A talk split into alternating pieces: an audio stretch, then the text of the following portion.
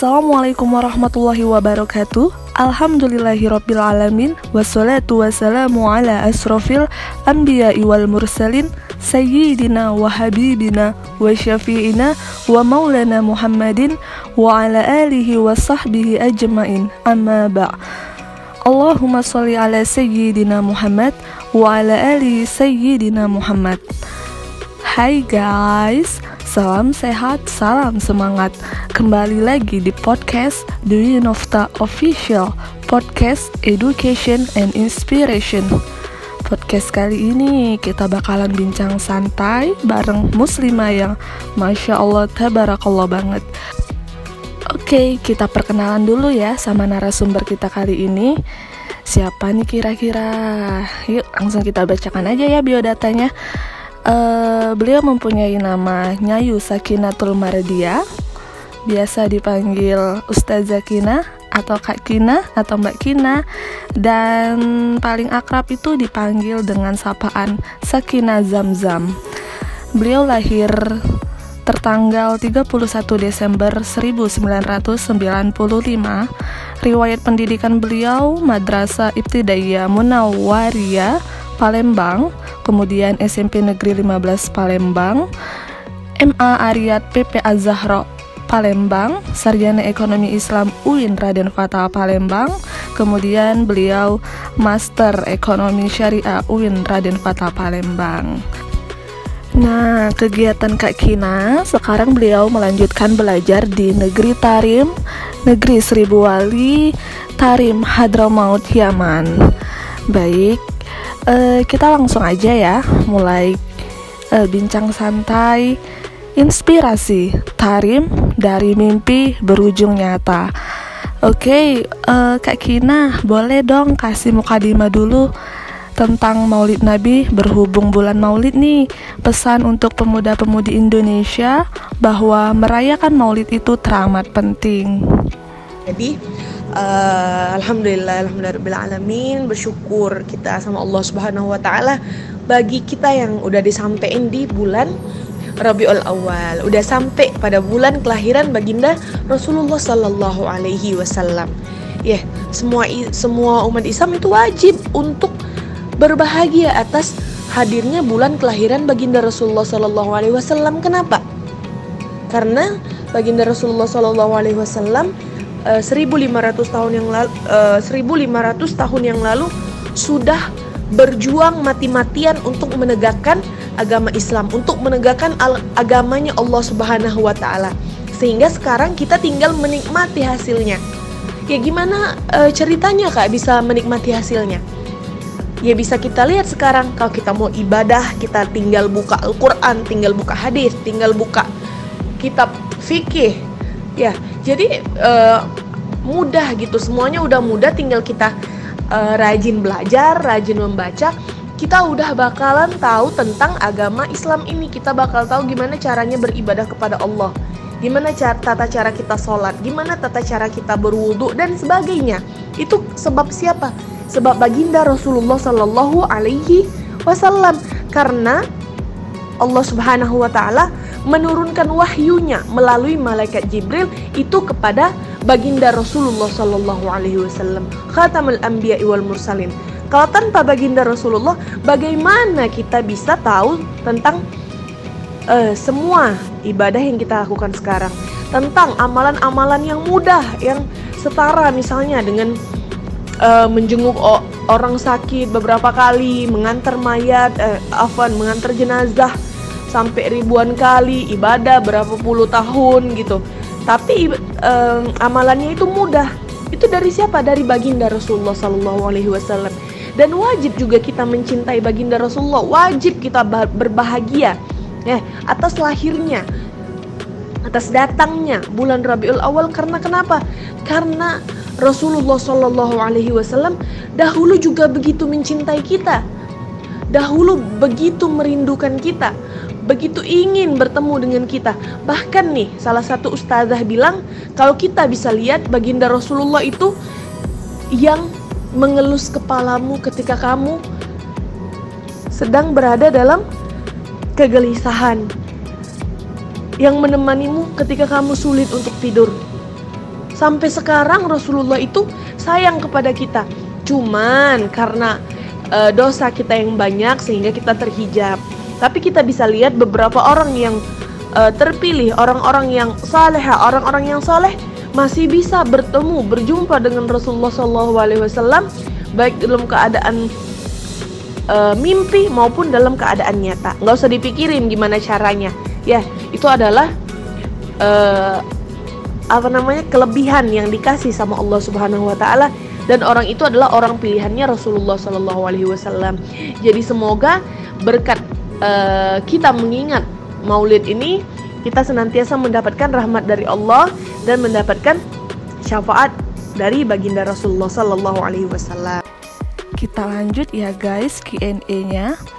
Untuk Q&A yang pertama kak, bagaimana Semarak menyambut Maulid di Tarim Hadramaut Yaman nih kak?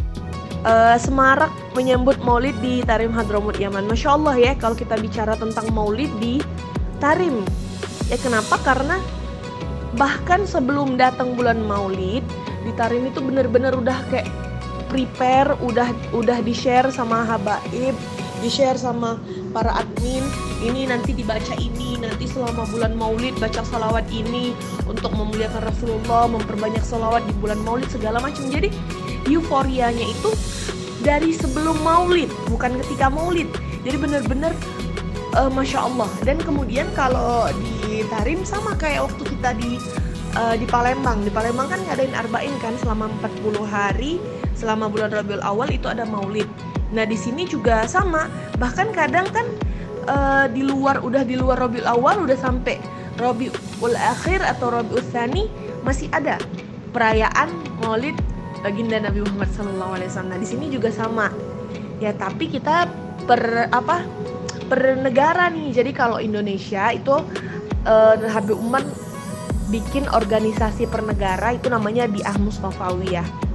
Jadi itu organisasi khusus untuk keluarga keluarga itu maksudnya yang suami istri yang muta, yang mutazawij gitu Nah kalau di negara lain juga sama Bia Mustafawiyah tapi misal Bia Mustafawiyah Indonesia, Bia Mustafawiyah uh, South Africa, Bia Mustafawiyah Malaysia, Bia Mustafawiyah Australia gitu-gitu. Nah jadi uh, di sini juga ada jadwal-jadwalnya baik yang bapak-bapak, yang laki-laki, yang rejal maupun yang ibu-ibu. Nanti tuh uh, di list jadwalnya. Misalnya tanggal satu Robi siapa yang ngisi dua Robi siapa. Nah nanti kalau seandainya uh, apa namanya per mau per apa ya misalnya bilat kita nih kosong bisa bisa di list dari bilat yang lain. Jadi kita juga bisa pergi ke uh, saudara kita yang dari negara lain. Jadi bukan sus Indo aja nih. Terus juga nanti kalau misalnya jadwalnya Darul Zahro atau jadwal-jadwalnya punya Hubabah itu biasanya uh, dari negara kita maulidnya dikosongin. Jadi semuanya pergi tuh ke acaranya misalnya dari Zahro. Semua negara biasanya pergi ke ke sana gitu. Jadi kita nggak ngadain acara kalau acaranya itu udah dari Hubabah gitu ya. Dan bener-bener semarak banget gitu semangat. Walaupun misalnya makanannya seadanya cuman disajiin biskuit nggak yang sampai kalau kayak di kita kan ada tekwan ada ada nasi gitu ya ada apa lagi? Martabak yang gitu-gitu terus ada kue-kuenya. Di sini walaupun biasa aja gak menyurutkan semangat temen-temen semangat para ahwat para bapak-bapak pokoknya semuanya dari segala kalangan untuk datang atau hadir ke maulid. Jadi sih nggak gengsi-gengsi nih. Maksudnya nggak malu kalau seandainya mau ngadain maulid karena bahkan air putih pun nggak apa-apa gitu. Yang penting kita ada niat untuk menyemarakkan hari kelahirannya Rasulullah Shallallahu Alaihi Wasallam. Jadi benar-benar seseru itu. Next yang kedua kak motivasi apa yang mendasari kak Kina untuk menuju ke Tarim jadi motivasi yang mendasari untuk ke Tarim itu sebenarnya kalau diceritain panjang. Karena uh, awalnya itu waktu masih kecil pernah ketemu Hubaba di sekitar tahun 2005 di mana saat itu bahkan orang pakai jilbab pun jarang apalagi orang yang pakai pakai cadar masih dianggap tabu. Tapi anak yang waktu itu, uh, aku yang waktu itu seumuran mungkin berapa tahun ya kira-kira 10 tahun masih kecil mungkin itu kelas 5 atau kelas 4 SD udah bener-bener nggak tahu ya nggak ngerti. Padahal padahal cuma kain hitam. Dan kalau anak normal mungkin mikirnya takut atau ih serem gitu. Tapi nggak tahu kenapa aku waktu itu bener-bener jatuh cinta bener-bener sesuka itu sama pakaiannya Hubaba bener-bener penasaran bener-bener tertarik sama apa yang dibicarakan Hubaba waktu itu waktu datang ke Palembang. Meskipun sebenarnya nggak paham karena Hubaba kan ngomong pakai bahasa Arab. Dan untuk anak seumur 10 tahun nggak tahu ya kenapa bisa sejatuh cinta itu sama Hubaba tapi waktu berlalu udah nggak inget lagi udah semakin besar segala macem. Nah sampai inget lagi itu ketika masuk di pondok pesantren Az-Zahra Ariyat yang uh, di pondok itu adalah tempat yang sama. Waktu aku jumpa sama Hubabah di tahun 2005 jadi Hubabah datang ke Palembang itu datangnya ke Az-Zahra ke Ariyat jadi dari situ bertemu Hubabah dan diakhiri juga keinginan untuk ke Tarim di tempat yang sama. Cuman waktu itu pengennya ke Tarim itu pengennya ke, ke Al Ahgaf jadi udah udah di nih sama mudiroh ma'hadnya. Terus disuruh bilang dulu sama orang tua gini izin segala macem ini beasiswa segala macem. Ketika izin ternyata uh, karena sesuatu dan lain hal lah singkatnya orang tua nggak kelepas kalau seandainya uh, anak cewek harim gitu berangkat tanpa mahram ke uh, luar negeri. Memang nanti ada mahromnya misalnya ketua rombongan segala macam tapi Buya Buyaku orangnya nggak lega gitu. Pengennya anaknya memang bener-bener ada yang jaga sampai ke tarim selamat di tarim aman gitu.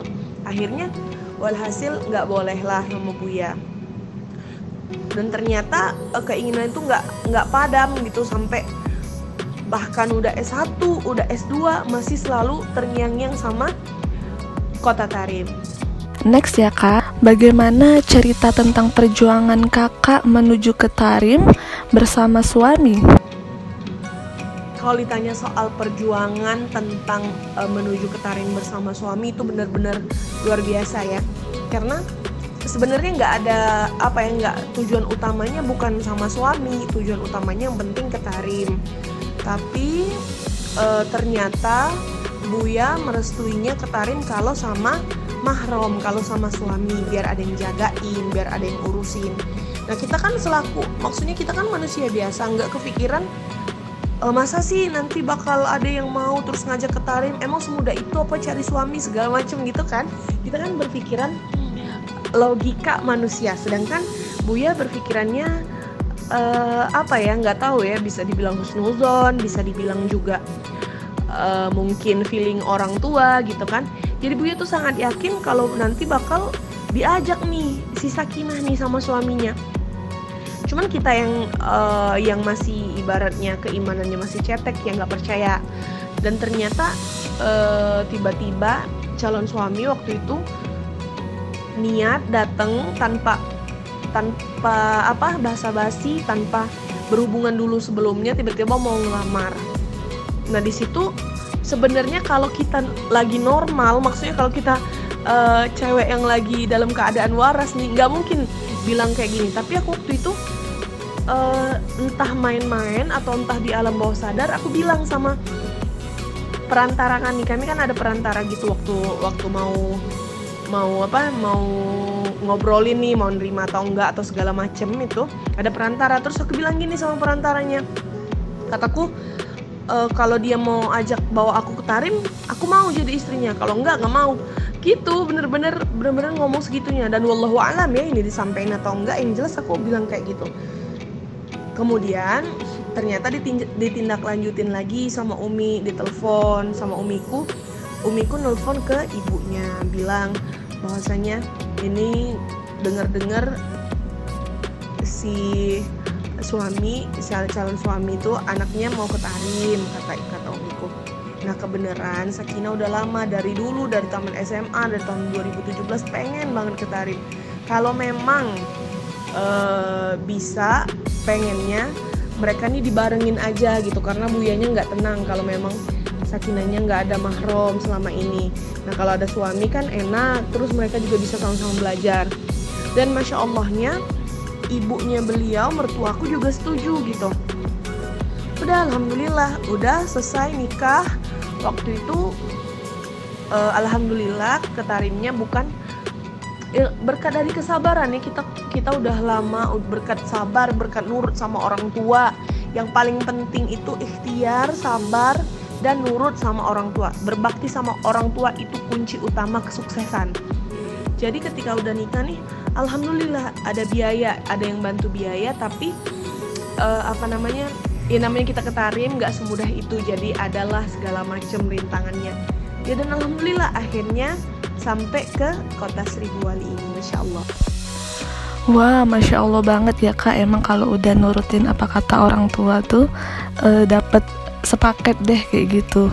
Ke sana yang tadinya mau sendirian eh plus bonus bersama suami. Masya Allah tabarakallah banget. Kita lanjut lagi ya kak ya untuk pertanyaan. Sebagai seorang muslimah yang berpengaruh di Palembang Sumatera Selatan nih kak sepenting apa peran muslimah sebagai peradaban Islam di zaman now kak? Masya Allah ini terlalu berlebihan menurutku seorang muslimah yang berpengaruh di Palembang Sumsel. Enggak juga banyak muslimah yang lain. Dan banyak juga yang belum tahu sama Sakinah jadi sepenting apa peran muslimah sebagai peradaban Islam di zaman now? Wah menurutku nggak harus zaman now ya. Dari dahulu dari zaman dahulu banget dari zaman dulu dari zaman azali wanita itu sangat berperan penting.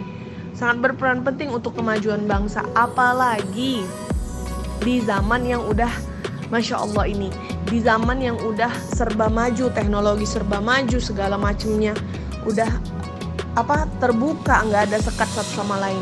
Wanita itu menjadi kunci utama. Karena kenapa? Karena uh, apa namanya Anissa Imadul Bilad. Wanita itu adalah tiang negara. Eh Ida soluhat soluhadul soluhal bilad. Ida fasadat fasadul bilad ya kalau misalnya baik wanitanya maka baik pula negaranya. Dan kalau misalnya buruk wanitanya buruk pula negaranya. Ini nggak main-main kalimat ini. Kenapa bisa muncul kalimat ini? Karena uh, apa namanya? Wanita itu adalah induk dari segala umat manusia baik laki-laki maupun perempuan. Dan al um madrasatul ula ya, yang menjadi yang menjadi apa namanya yang menjadi guru yang menjadi madrasah pertama itu adalah seorang wanita. Ya jadi bukan uh, dia nggak hanya harus belajar nggak dia hanya harus uh, memperbaiki dirinya ketika sudah menjadi istri tapi dia harus belajar dari sejak masa kecilnya. Karena masa kecil itu akan menentukan ketika dewasanya dia bakal gimana. Dari kecil anak wanita harus diajarkan yang yang baik, diajarkan adab, diajarkan ibadah, diajarkan uh, bagaimana mengelola keuangan, semuanya harus diajarkan sama wanita.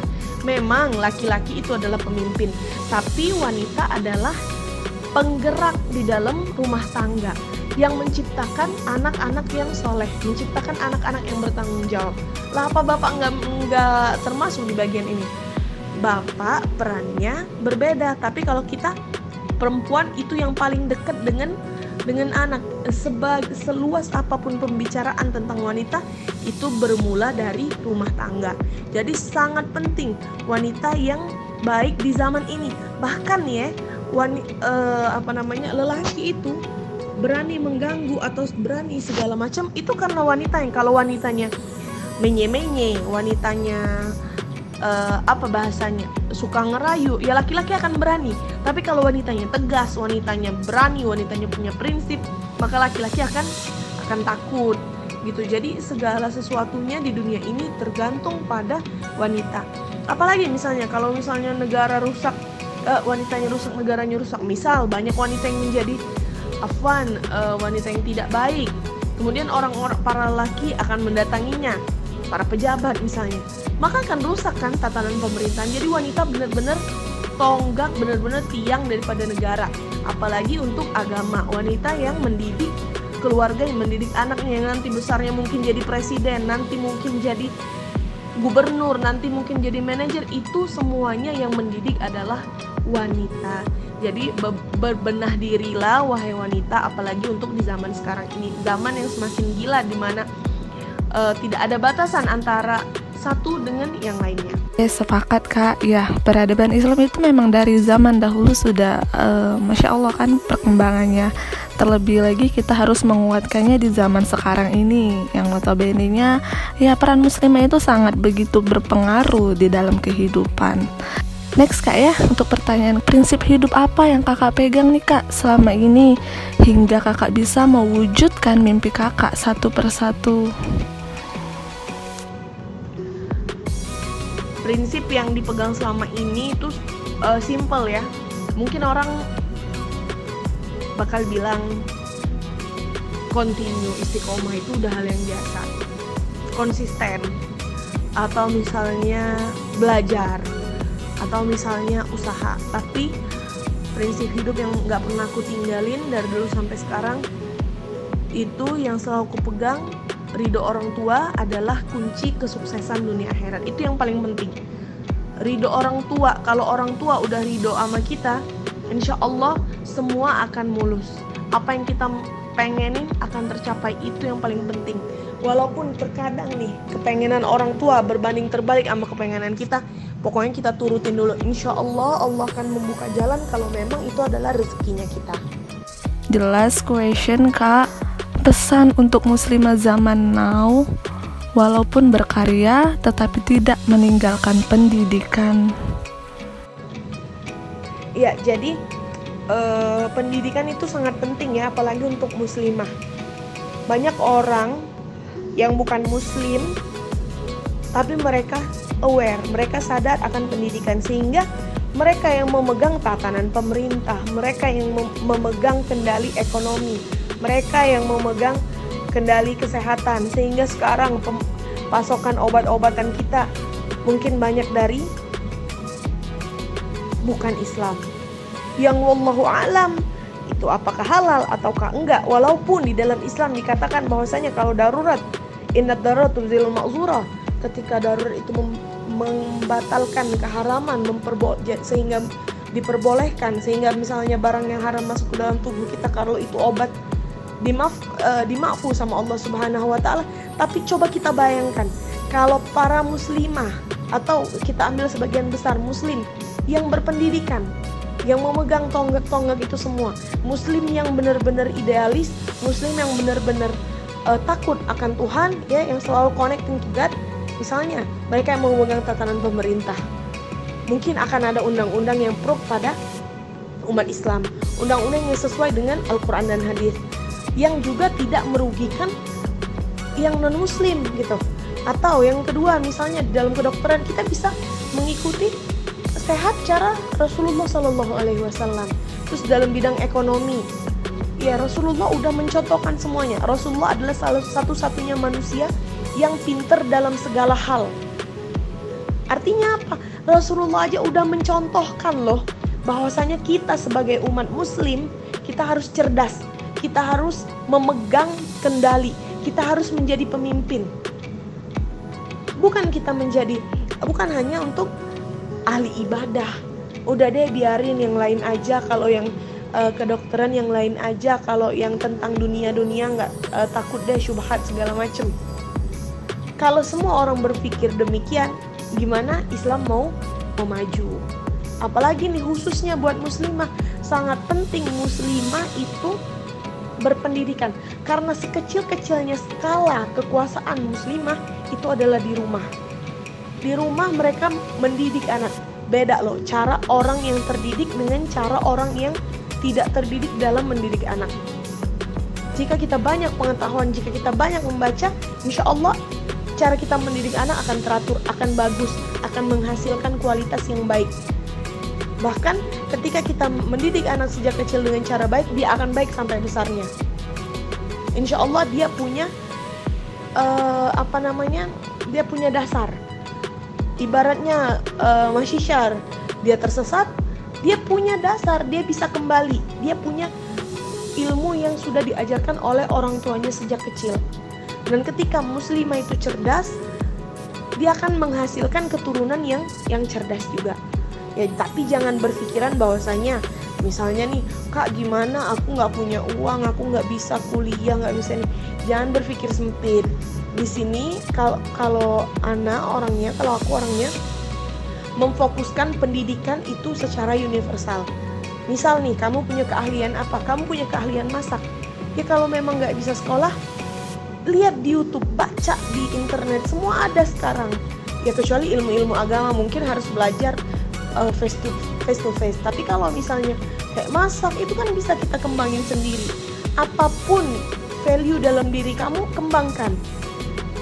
Apakah masak nggak bisa diturunin ke anak? Apakah masak itu nggak nggak penting penting kalau misalnya anaknya perempuan kita ajarin masak mungkin dia nanti di rumah tangga disayang sama mertua karena pinter masak segala macam jadi muslimah itu wajib berpendidikan nggak hanya pendidikan agama tapi juga pendidikan dunia agar semuanya balance. Karena kita masih hidup di dunia kalau kita hidup apa namanya memang udah setingkat wali yang memang benar-benar ibaratnya semuanya ibadah makanan tinggal ada di depan mata ya boleh nggak mau. Tapi kita kan masih tinggal di dunia kita masih butuh dunia. Dan Allah juga menganjurkan untuk bekerja ada hadis ada uh, apa dalilnya di dalam Al-Qur'an jadi semoga uh, sedikit penyampaianku ini ber apa ya bermanfaat buat teman-teman semuanya doain juga semoga uh, keberkahan